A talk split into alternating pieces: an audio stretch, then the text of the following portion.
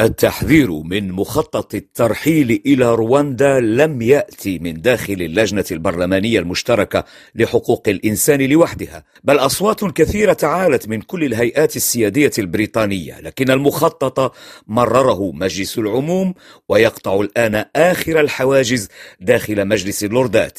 كريس هايتون هاريس النائب البرلماني عن حزب المحافظين. إذا طلعنا على تفاصيل المخطط فإنها ستكشف لنا عمليا كيف سيكون مسلسل الترحيل.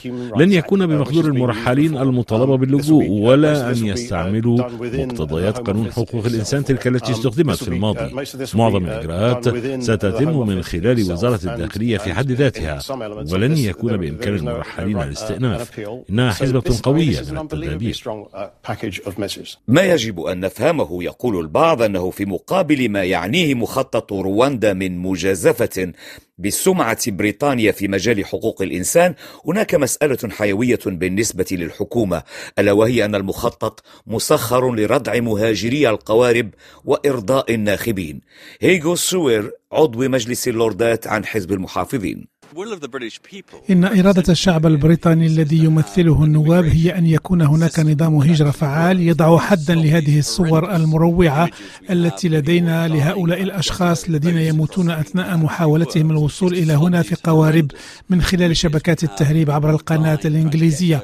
وقد تم تصميم هذا النظام أخيرا للبلاد هؤلاء الأشخاص إنهم إذا حاولوا المجيء إلى هنا بشكل غير قانوني فسيتم إعادتهم إلى بلد ثالث.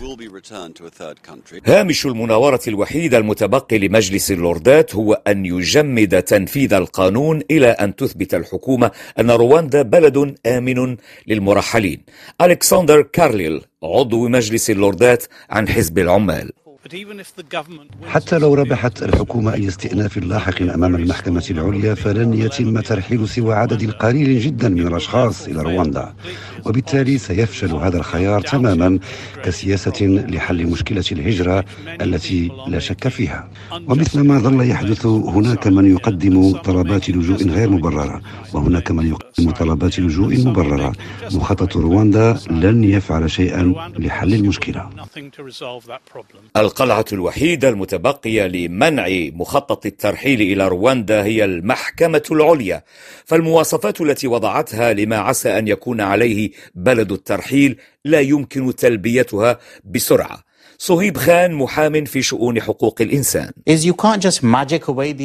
لا يمكنك التخلص من هذه الأشياء بطريقة سحرية. بيت القصيد هو أنه إذا لم تكن رواندا آمنة. وعندما بتت المحكمة العليا في القضية الشهر الماضي لم تكن آمنة. ولا تزال غير آمنة إلى اليوم.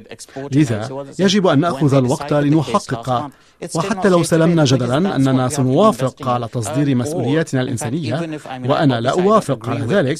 فعلينا أن نتريث لإيجاد بلد آمن لهؤلاء المرحلين. وكثير من النواب المحافظين من يعتبر مخطط الحكومة غير كاف لجعل بريطانيا بلدا منفرا للمهاجرين وفي أقرب الآجال. كمال علواني لندن مونتي كارلو الدولية.